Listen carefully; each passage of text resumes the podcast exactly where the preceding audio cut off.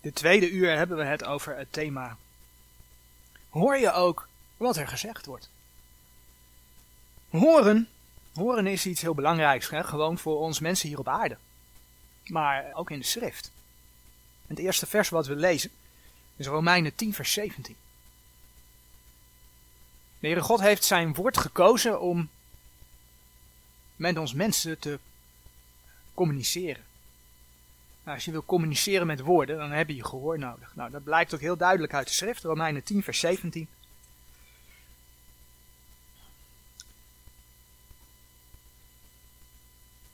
Zo is dan het geloof uit het gehoor en het gehoor door het woord Gods. Door het woord van God te horen kan een mens tot geloof komen. En daarom is prediking ook belangrijk. Dat laat Gods woord zien.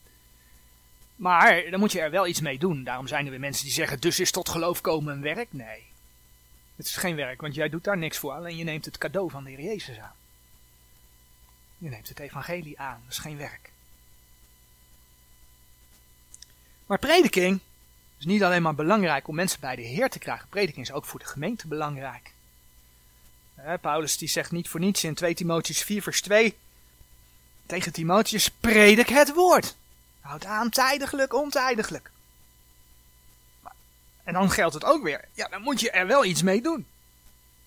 Paulus die zegt namelijk, onder andere in 1 Thessalonicense 2 vers 13, dat zij het woord aangenomen hebben en dat het ook werkt in hen die geloven. Daar werkt het woord in. Het werkt in hen die geloven.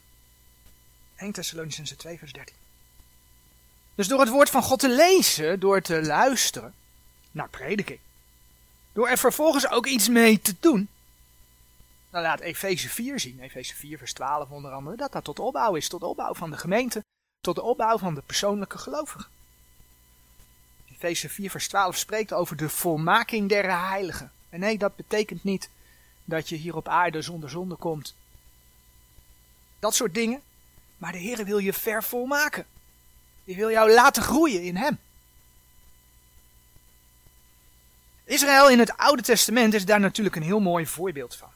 We gaan daar zo direct ja, naar een stukje uit Israëls geschiedenis kijken. Maar als eerste willen we dan Deuteronomium 1 vers 43 nog lezen voordat we daarna gaan kijken. Deuteronomium 1 vers 43.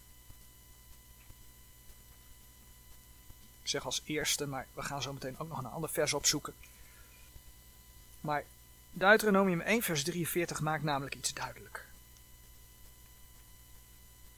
Bij de uittocht uit Egypte en hun reis naar het beloofde land was het volk van God, was Israël, was in opstand.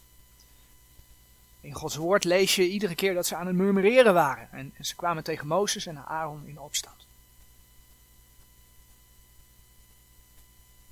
En uiteindelijk, of uiteindelijk, vrij in het begin lees je dan dat dat volk dat, ja, krijgt als straf dat ze het beloofde land niet in mogen. Toen beseften ze dat ze gezondigd hadden.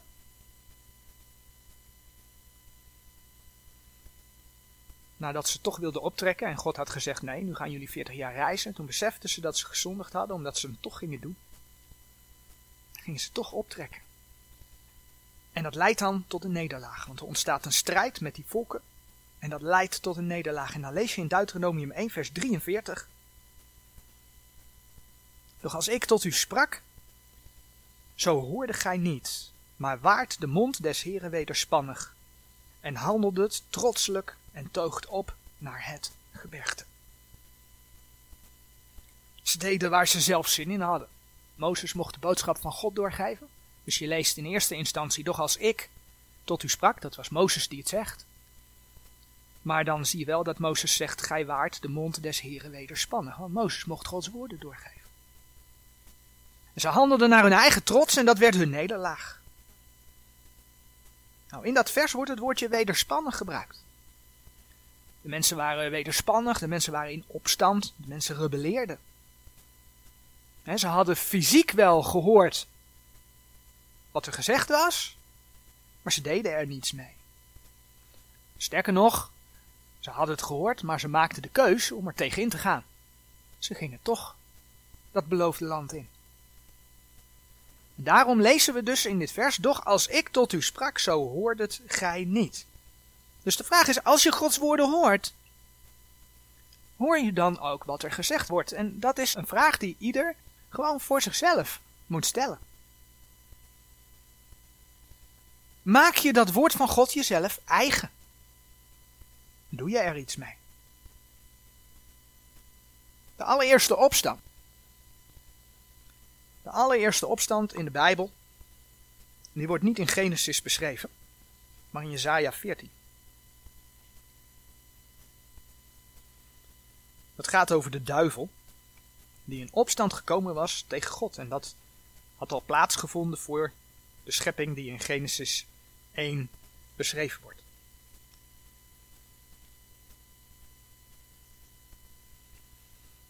En de duivel ging daar ja, tegen de Heere God in. Jezaja 14 vers 12 tot en met 14. Hoe zijt gij uit de hemel gevallen, o morgenster? Gij zoon des dageraads? Hoe zijt gij ter aarde nedergehouden? Gij die de heidenen krenkt het. En zeid het in uw hart. Ik zal ten hemel opklimmen, ik zal mijn troon boven de sterren gods verhogen. En ik zal mij zetten op de berg der samenkomst, aan de zijde van het noorden. Ik zal boven de hoogte der wolken opklimmen, ik zal de Allerhoogste gelijk worden.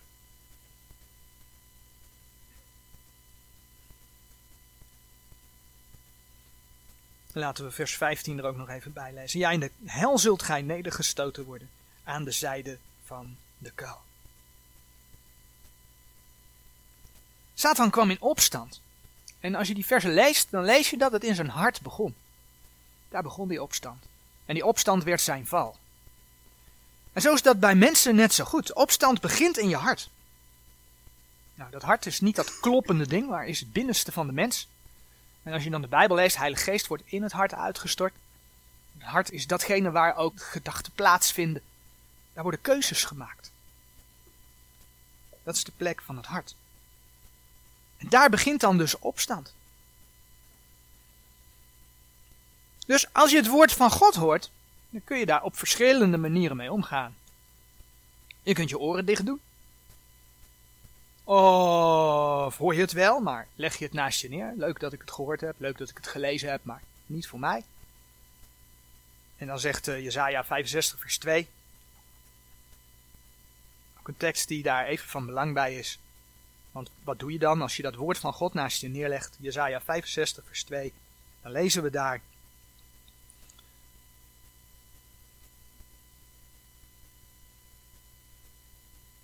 Ik heb mijn handen uitgebreid, de ganse dag, tot een wederstrevig volk, die wandelen op een weg die niet goed is, naar hun eigen gedachten. Dus als je het woord naast je neerlegt, dan wandel je naar je eigen gedachten. Dus dat zijn dingen die kunnen, oren dicht of naast je neerleggen. Maar je kunt het ook echt horen en je kunt er naar luisteren. Oftewel, dat je er iets mee gaat doen. Nou, in deze verse zien we dus al wat de bron van wederspannigheid is. En die oorsprong ligt gewoon bij de vijand van God, bij de duivel. En als we dan in 1 Samuel 15 vers 23 kijken.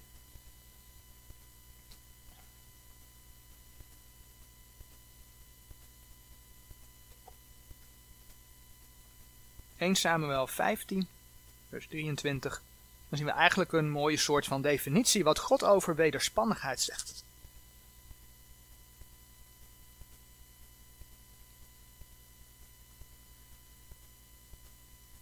Want wederspannigheid is een zonde der toverij en wederstreven is afgoderij en beeldendienst.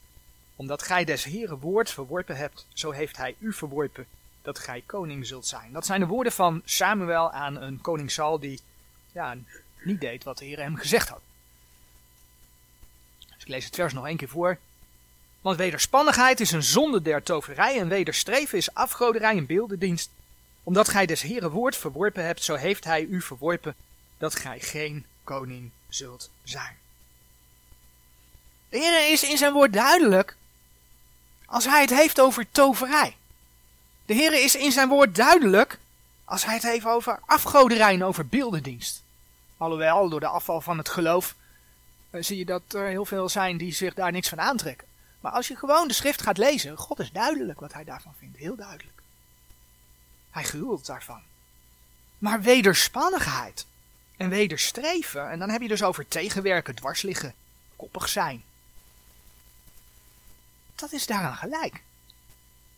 Dat zegt hij. En dat geldt op zoveel terreinen van het leven. Beter gezegd op alle terreinen. Want het gaat over hoe sta jij in je leven met de Heere God. In dit vers wordt het gekoppeld aan het verwerpen van de woorden des Heren.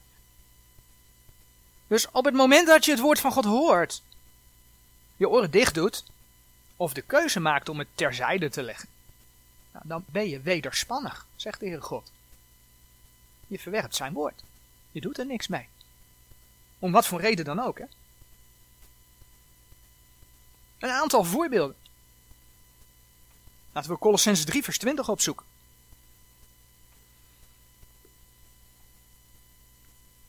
En die voorbeelden kun je in deze tijd helemaal uitbreiden.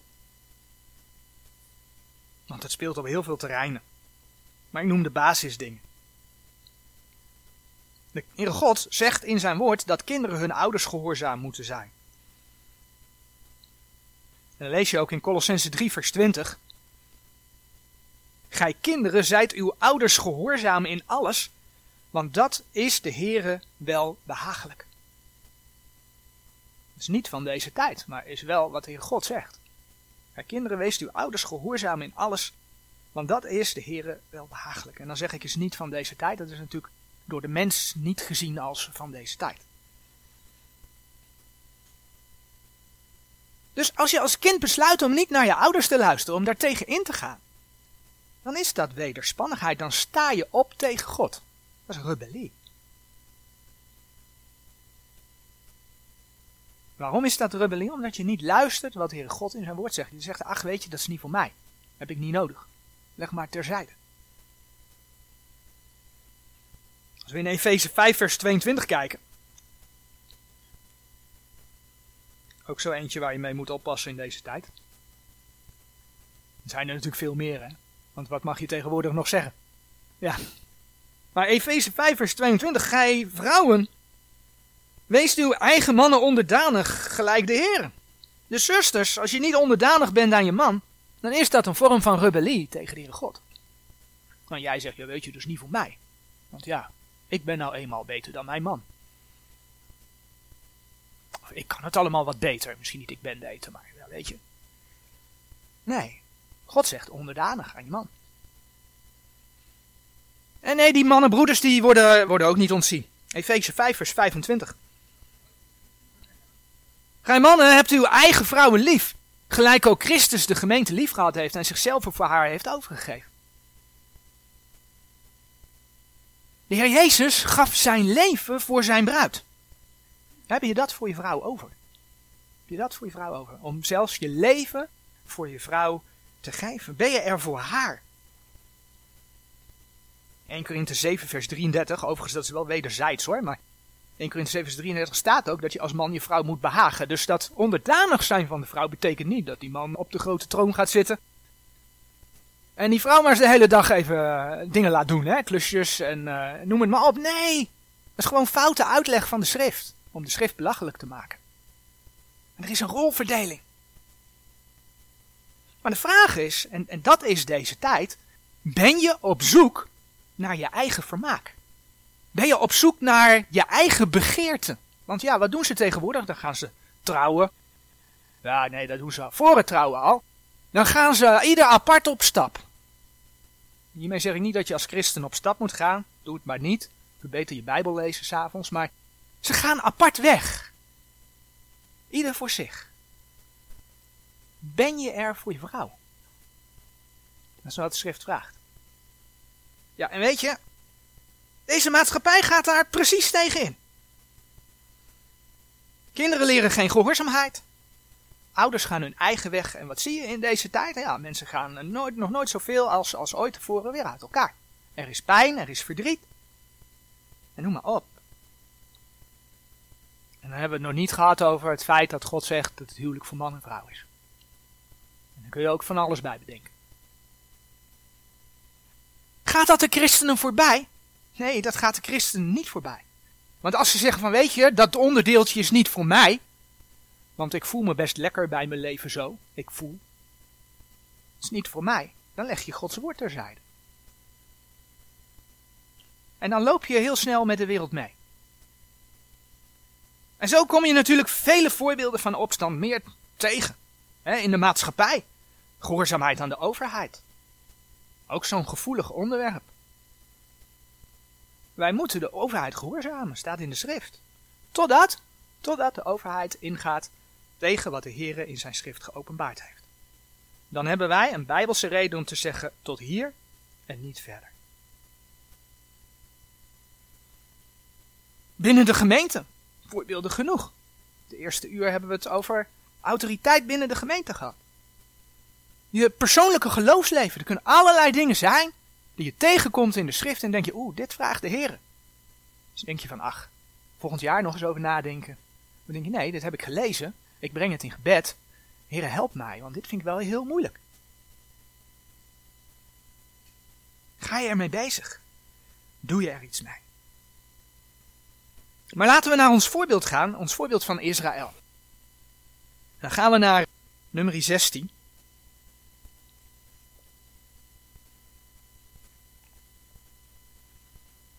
Ik was van plan om het hele hoofdstuk te gaan lezen. Maar we zijn door vanmorgen zijn we een beetje uitgelopen. Persoonlijk denk ik dat iedereen deze geschiedenis wel kent, die hier zit. En alle belangrijke versen die nodig zijn, die komen zo meteen naar voren. Die gaan we alsnog lezen. En dan kun je het thuis alsnog nalezen, of ik toch niet per ongeluk de context verloren ben. Het was dus mijn bedoeling om 1 tot en met 35 te lezen en dan vers 41. Nou, als je dit hoofdstuk leest, dan zie je dat er in het kopje staan drie personen. Korach, Datan en Abiram. Dat die in opstand zijn tegen Mozes en Aaron. Nou, dat zijn drie namen. Er wordt altijd over Korach, Datan en Abiram gesproken. Maar als je vers 1 leest, als oplettende lezer, dan zie je dat er ook een vierde persoon was. Dus laten we vers 1 even lezen. Korach nu, de zoon van Jeshar, de zoon van Kahat, de zoon van Levi, nam tot zich zo Datan als Abiram, zonen van Eliab, en On, de zoon van Pelet, zonen van Ruben. Hé, hey, dat was een vierde persoon. Een vierde persoon van mensen die opstonden tegen Mozes en Aaron. Daar hoop ik straks nog even op terug te komen. Maar er was dus een opstand tegen Mozes en Aaron. Maar feit is dat de Heere God Mozes en Aaron de opdracht had gegeven om dat volk uit het land te leiden en naar het beloofde land te brengen. God had Mozes geroepen en het was Mozes taak en uh, Mozes kreeg Aaron mee als zijn profeet. Om de woorden naar de farao over te brengen. En later werd Aaron priester. Dat was Gods opdracht. Dus eigenlijk waren ze niet in opstand tegen Mozes en Aaron, maar ze waren in opstand tegen de Heer. En dat lees je dan ook in nummer 16 vers 11. Nummer 16 vers 11, daar lees je.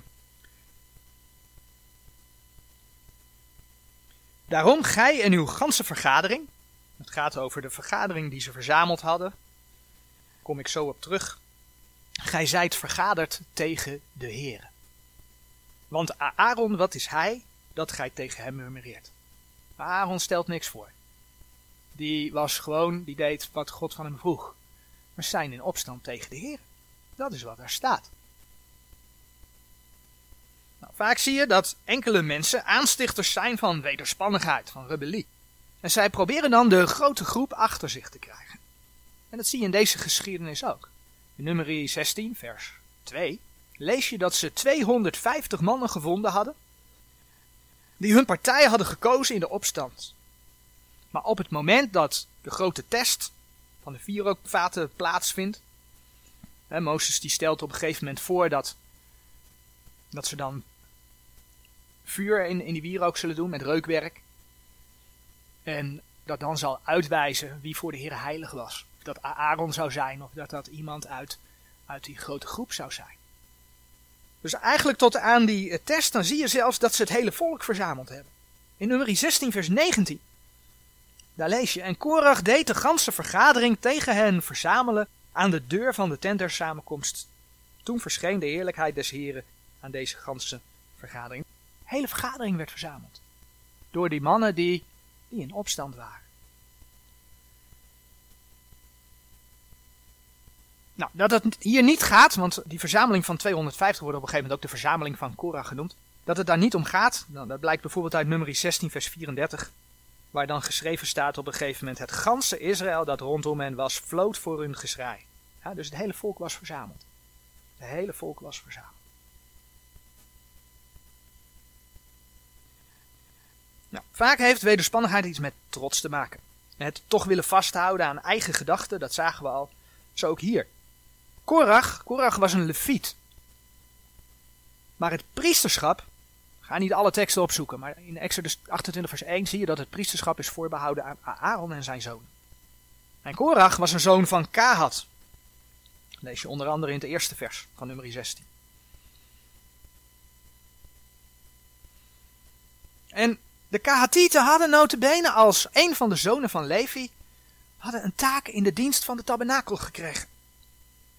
Kun je lezen in nummer 4 vers 4 tot en met 15. Zij konden dus geen priester worden. Maar ze hadden wel een, een taak in de tabernakel. In de dienst van de Heer. En dan lezen we in nummer 16 vers 9 en 10. Is het u te weinig dat de God Israëls u van de vergadering Israëls heeft afgescheiden om uw lieden tot zich te doen naderen, om de dienst van des Heren tabernakel te bedienen en te staan voor het aangezicht der vergadering om hen te dienen? Dit wordt dus tegen de kinderen van Levi gezegd. Daar hij u en al uw broederen, de kinderen van Levi, met u heeft te doen naderen, zoekt gij nu ook het priesterambt. Korach wil dus meer dan dat hij gekregen heeft. Korach wil meer dan dat de Heere hem gegeven heeft. En blijkbaar, want er worden meerdere levieten aangesproken, waren daar meerdere levieten bij. In vers 8 kun je zien dat er meerdere levieten worden aangesproken. Nou, men is niet tevreden met wat de Heere gegeven heeft. Maar goed, Korach was niet de enige. Je hebt ook nog Datan en je hebt Abiram en je hebt On. Die waren helemaal niet eens van Levi. Die waren van Ruben. Staat in uh, nummer 16 vers 1. Dus ze hadden al helemaal geen recht op een taak in de tabernakel. Toch waren ook zij in opstand.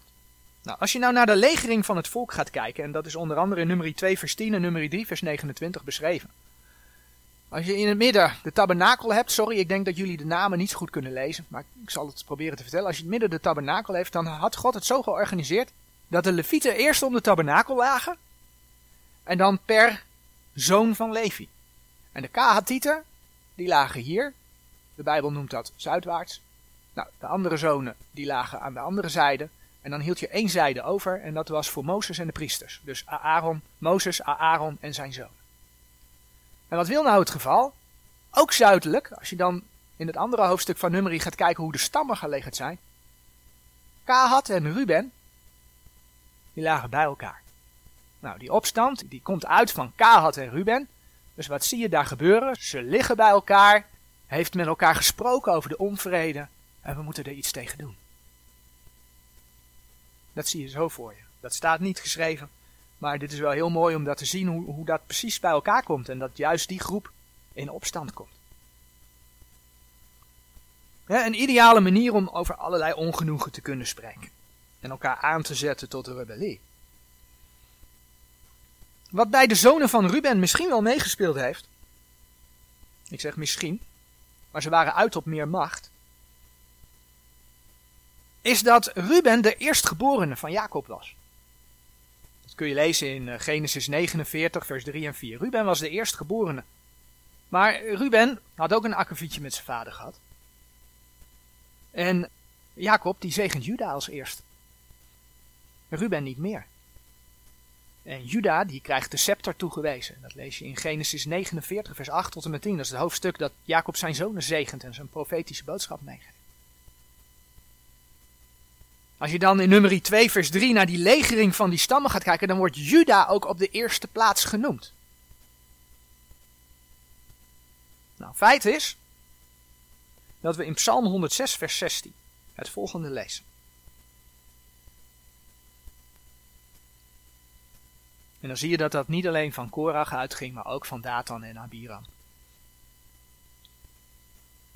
En zij benijden Mozes in het leger en Aaron de heilige des Heren. Benijden, moeilijk woordje voor jaloezie. Wel de jaloezie. Ten opzichte van Mozes en Aaron. En als je dan vers 17 en 18 erbij leest, dan zie je dat het inderdaad over die geschiedenis gaat. Want dan kom je de namen tegen van Datan en Abiram.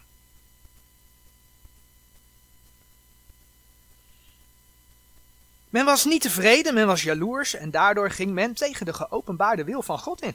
Dat was wederspannigheid, dat was rebellie tegen de Heer. Nou, waar men ook niet tevreden mee was, blijkt uit nummer 16, vers 12 tot en met 14.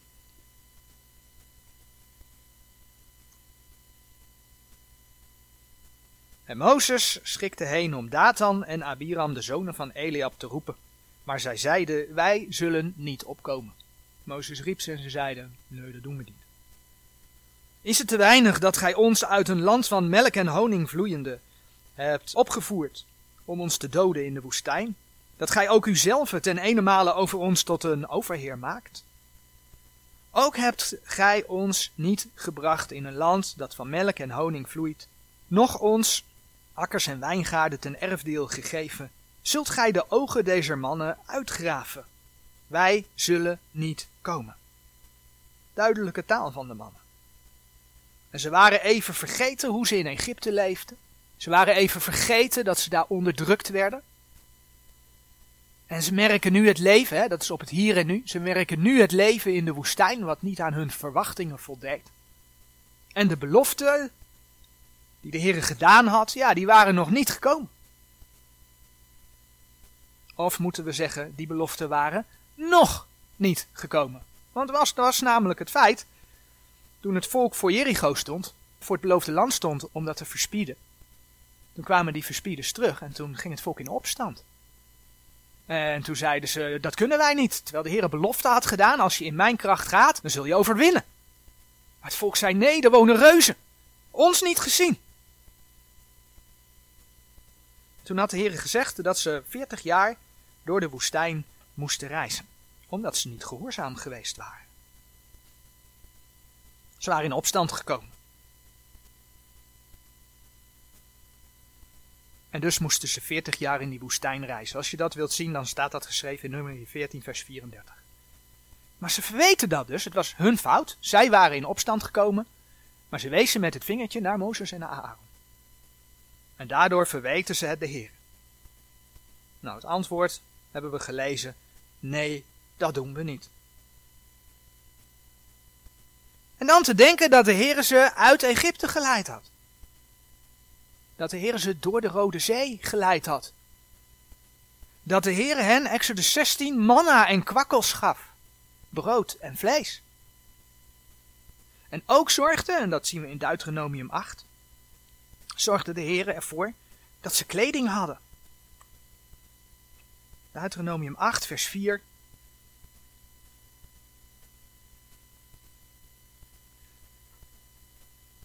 Uw kleding is aan u niet verouderd en uw voet is niet gezwollen deze veertig jaar. Alsof God niet voor ze zorgde. Dat zagen ze allemaal niet. De Heere God had zoveel voor ze gedaan. Nou, voor de gemeentetijd ja, lezen we eigenlijk hetzelfde in 1 Timotheus 6 vers 8. Want het is natuurlijk heel makkelijk om met het vingertje naar Israël te wijzen. Maar we moeten naar ons eigen leven kijken. Hoe staan wij in het leven? 1 Timotheus 6 vers 8.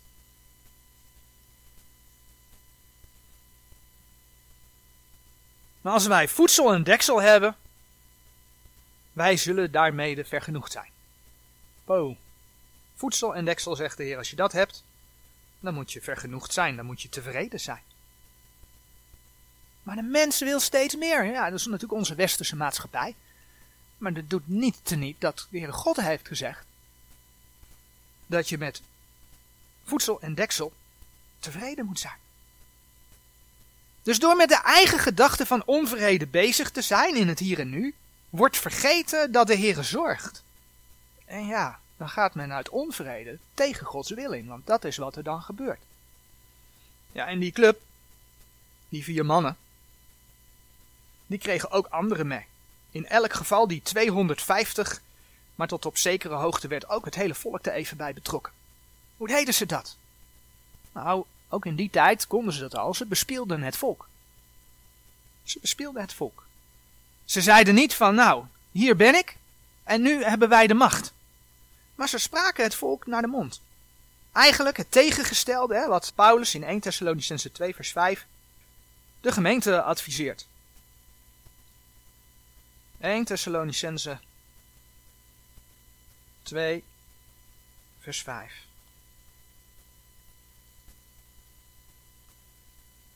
Want wij hebben nooit met pluimstrijkende woorden omgegaan. We hebben nooit met vleiende woorden omgegaan, gelijk gij weet. Nog niet met enig bedeksel van gierigheid. God is getuige. Gaat nu natuurlijk even om dat eerste stukje. Wij hebben nooit met pluimstrijkende woorden omgaan. Het gaat er niet om dat we mensen naar de mond gaan praten. En ja, dat deden zij wel.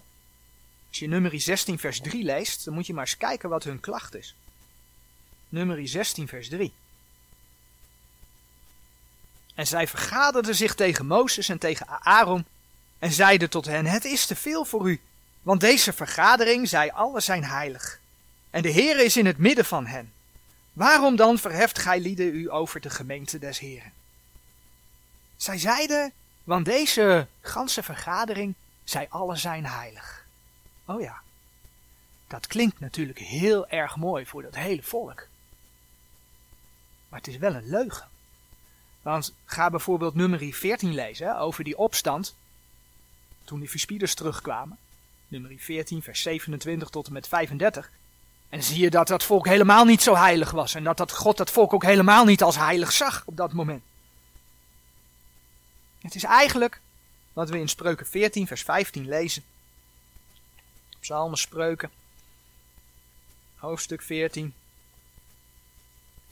Vers 15. De slechte gelooft alle woord, maar de kloekzinnige merkt op zijn gang. De slechte gelooft alle woord, maar de kloekzinnige merkt op zijn gang. Dat wijst er dus op dat als mensen iets zeggen, dat het niet altijd is wat ook binnen zit. Ja, tot geloof kom je door te geloven met je hart en dat te beleiden met je mond. Maar als er iemand iets zegt, wil dat niet zeggen dat want het hart is arglistig, daar kunnen ook andere dingen uit die mond komen. Nou, in, in, uh, in uh, Romeinen 16, vers 17 en 18 zie je dan ook dat het schoonspreken, dat het ook in de begintijd al bekend was. En de Heer waarschuwt ons daarvoor. Dat mensen mooie woorden gebruiken. Romeinen 16, vers 17 en 18. En ik bid u, broeders, neemt acht op degene die tweedracht en ergernissen aanrichten tegen de leer die gij van ons geleerd hebt, en wijkt af van dezelfde. Want de zulke dienen onze Heer Jezus Christus niet, maar hun buik, en verleiden door schoonspreken en prijzen de harten der eenvoudigen. Mooie woorden, en als je dan spreuken 14 vers 15 erbij neemt, maar het handelen is soms anders. Soms zijn die mooie woorden niet van echt te onderscheiden. Hè? Het lijkt net echt. Maar zoals gezegd, die acties laten dan de werkelijke intentie zien.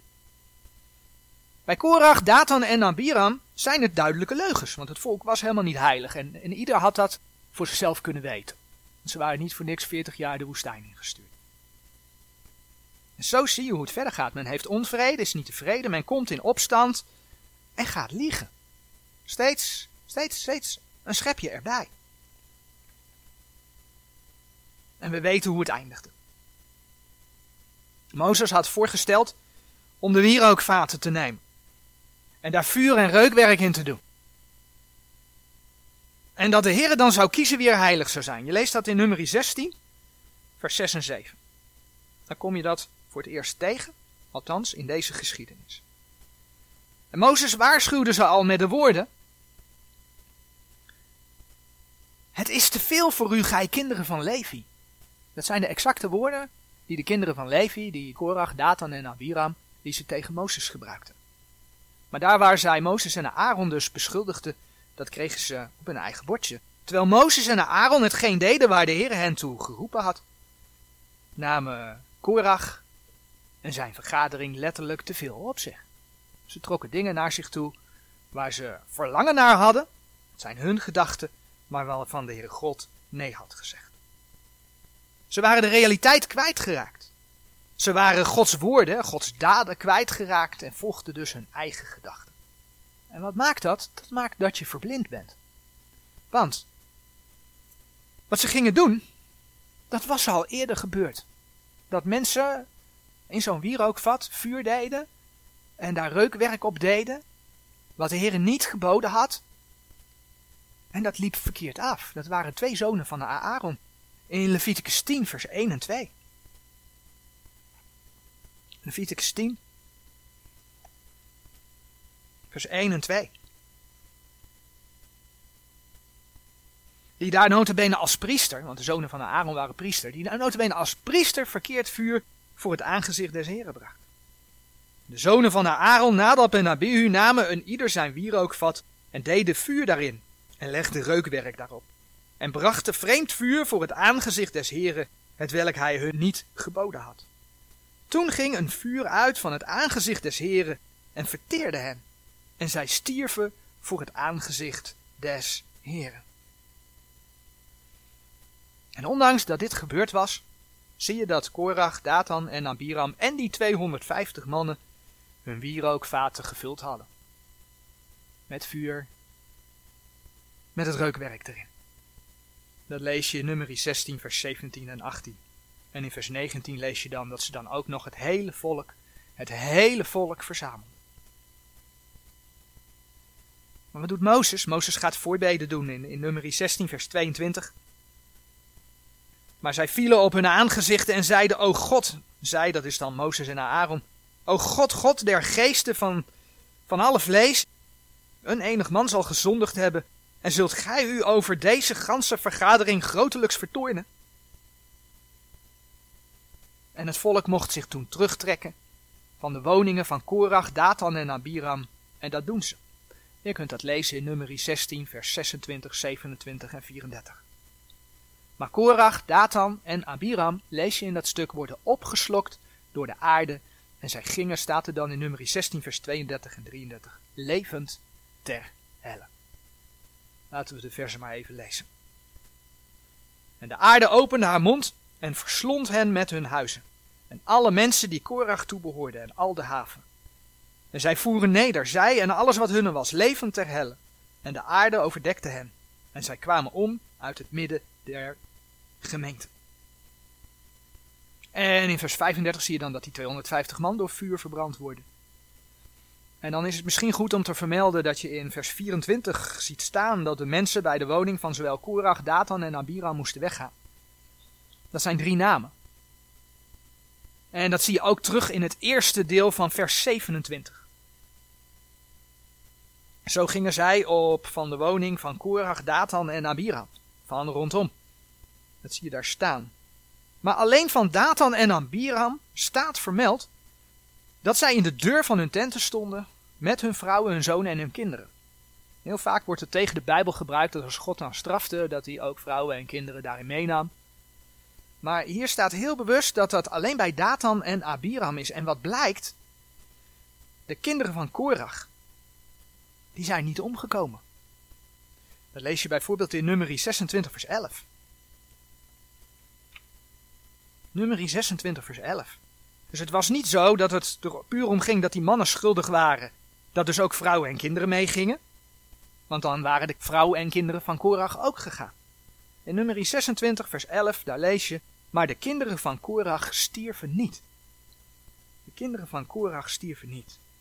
Blijkbaar kozen de zonen en de kinderen van Datan en Abiram ervoor om bij hun opstandige ouders te blijven. Terwijl de kinderen van Korach, net als de rest van het volk, weggegaan zullen zijn. Omdat zij zagen dat wat daar gebeurde, dat Gods oordeel daarover zou komen. God straft dus niet zomaar. En dat geldt dus ook voor On. Uit nummer 16 vers 1, hè, die vierde persoon, die samen van plan was om die, die opstand te maken. Ja, die lees je helemaal niet meer terug bij de straffen. Terwijl Korach, Datan en Ambiram iedere keer echt genoemd worden. En de enige logische verklaring, Gods woord spreekt zichzelf niet tegen, is dat On ergens in het proces, of door de waarschuwing van Mozes, of doordat hij dacht, oh wacht even, wierookvaten, ik heb wat meegemaakt. Dat kan niet goed zijn dat ik mijn wierookvat ga vullen, daar vuur en reukwerk in doe. En die heeft dus geluisterd naar de waarschuwing van de Heer en is niet, niet gestraft geweest. Dat is de enige logische verklaring. En dan zou je zeggen dat het volk wat geleerd heeft. Maar kijk wat er geschreven staat in nummer 16, vers 41. Maar des andere daags, oftewel de volgende dag, murmureerde de ganse vergadering der kinderen Israëls tegen Mozes en tegen Aaron zeggende, gij lieden hebt des heren volk gedood. Maar des andere daags murmureerde de ganse vergadering der kinderen Israëls tegen Mozes en tegen Aaron, zeggende, gij lieden hebt des heren volk gedood. En dan lees je in dat stuk dat er naast Korach, Datan en Abiram en hun families, naast die 250 mannen, ook nog eens 14.700 mensen, vers 49. Ja, vers 49. 14.700 mensen omkomen. Het volk leerde klaarblijkelijk niet. Maar laten we het naar ons vandaag de dag betrekken. Leren wij. Leren wij. Maar we zien wel dat de wederspannigheid, de opstand, de rebellie tegen de Heer, dat dat niet goed afloopt. Want de Heer wil dat niet. Hij noemt het niet voor niks. Een zonde van toverij. Afgodendienst. En we zien ook dat de Heer keer op keer waarschuwt. Keer op keer waarschuwt hij.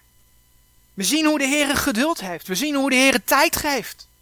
Het is niet bij het eerste dat hij ingrijpt en het hele volk vernietigt. Absoluut niet. Hij geeft tijd. We zien hoe hij de mensen spaart die wel naar hem willen luisteren. En we hebben dat allemaal gezien, want het Oude Testament wordt heel vaak afgedaan als, oh, dat is maar het Oude Testament. Maar die dingen zie je dus al in het Oude Testament. Daar zie je al dat God tijd geeft. Dat God mensen die naar hem willen luisteren, dat hij ze spaart. Maar we hebben ook gezien dat als jij in je hart ruimte geeft voor wederspannigheid, dat dat verblind maakt. We hebben gezien hoe je dan Gods woorden op een gegeven moment gewoon ook niet meer kunt zien. En hoe je doorgaat. En hoe je dan ook nog denkt in je recht te staan. En dat het heel moeilijk is om daar uit te komen, want Korach, Datan en Abiram gingen maar door. Alleen ondacht onderweg, oh wacht even, ik heb wat gezien. Nogmaals, het staat niet letterlijk zo geschreven, maar hij is niet gestraft door de Heer, dus hij heeft zich daarvan teruggetrokken. En dan komt er een moment dat de Heer wel ingrijpt. En we leven niet meer onder de wet. Maar dat kan ook vandaag de dag. De oud-testamentische geschiedenissen, en dan bladeren we naar 1 Korinthe 10, zijn ons niet voor niets als voorbeelden gegeven. Ik heb daar staan dat we vanaf vers 6 lezen, maar laten we even vanaf vers 5 lezen. 1 Korinthe 10 vanaf vers 5. En het gaat dus over het volk Israël dat in de woestijn wandelde. En dan zegt de Heer, maar in het meerderdeel van hen heeft God geen welgevallen gehad, want zij zijn in de woestijn ter nedergeslagen. En deze dingen zijn geschied ons tot voorbeelden, opdat wij geen lust tot het kwaad zouden hebben, gelijkerwijs als zij lust gehad hebben. En wordt geen afgodendienaars, gelijkerwijs als sommigen van hen, gelijk geschreven staat. Het volk zat neder om te eten en om te drinken, en zij stonden op om te spelen. En laat ons niet hoereren, gelijk sommigen van hen gehoereerd hebben. En er vielen op één dag 23.000. En laat ons Christus niet verzoeken, gelijk ook sommigen van hen verzocht hebben. En werden van de slangen vernield. En murmureert niet, gelijk ook sommigen van hen gemurmureerd hebben. En werden vernield van de verderver. Vers 11 nog. Deze dingen alle zijn hun lieden overkomen tot voorbeelden. En zijn beschreven tot waarschuwing van ons, op de welke de einde der eeuwen gekomen zijn. De Heer wil juist dat we niet zondigen. Daarom heeft Hij die voorbeelden gegeven in zijn woord. En ja, bij ons gaat het net zo snel als bij het volk van Israël. Ontevredenheid over eten en drinken. Zeker in deze tijd, alles wordt duurder. Maar we mogen nog steeds danken dat we ons maaltje kunnen halen, ondanks dat het steeds duurder wordt. Ontevredenheid over eten en drinken. Ondankbaarheid. Niet de juiste rol willen innemen binnen je huwelijk. Niet naar je ouders willen luisteren. Niet onderdanig willen zijn aan de overheid. Niet luisteren naar wat de voorganger zegt. Niet de strijd met de reuzen in je leven willen aangaan. De reuzen, de dingen die je moeilijk vindt. En ga zo maar door. En als je bij eentje denkt, dat kan ik wel naast me neerleggen, dan ga je dat bij andere dingen ook doen. Want dan heb je ontdekt dat het wel makkelijk is. Je wordt overtuigd van je eigen gelijk. En omdat je gelijk hebt, vraag je geen vergeving aan de Heer. En dat is een visieuze cirkel. Er komt van alles tussen jou en de Heer in te staan. Je relatie met de Heer raakt verstoord. En Johannes 1, vers 5 tot en met 10, dat gaat over die relatie met de Heer. En dat je die relatie kunt schoonhouden door vergeving te vragen. En ja, als je dat dan niet doet, ja, dan kan dat, hè, je bent wel een kind van God, dan kan dat een reden zijn dat de Heer gaat kastijden. Dat de Heer je daar op de een of andere manier mee confronteert. Dat je daar iets mee moet. En het kan zelfs, Romeinen 8 vers 13, want wij denken altijd dat het alleen maar oud-testamentisch is. Het kan zelfs zo ver gaan dat God op een gegeven moment tegen iemand zegt. Ik zeg niet dat dat een automatisme is, maar het kan gebeuren. Romeinen 8 vers 13 zegt dat God op iemand thuis kan halen. Dus God zegt, nu is het genoeg. Hoor je ook wat er gezegd wordt? Je weet waar wederspannigheid, niet luisteren naar Gods woorden, toe leidt. En daarom dus de oproep, want het geldt gewoon voor een ieder van ons in ons eigen leven. De oproep om Gods woorden serieus te nemen. Laat je niet meenemen door mooie woorden van mensen, maar wandel naar de geest, zoals de Heere God dat in Galaten 5 vers 25 zegt. Lees Gods woorden, luister naar Gods woorden, bid ervoor en breng zijn woorden in de praktijk. En niemand van ons is volmaakt, ik ook niet. Iedereen maakt fouten. Maar het is wel de vraag, hoe ga je daarmee om? Ga je daarop door omdat je zegt, nou dat is niet voor mij, of breng je het bij de Heer? En zelfs het beleiden, Heer, u weet hoeveel moeite ik hiermee heb. Vergeef mij en help mij om naar uw woord te leven. Wees dankbaar voor wat de Heer je gegeven heeft. Wees dankbaar voor wie je in Hem mag zijn en waar Hij je geplaatst heeft. Volg dus niet je eigen gedachten, maar laat dat alles de basis zijn om van daaruit met Hem te wandelen waar Hij je leidt. Amen.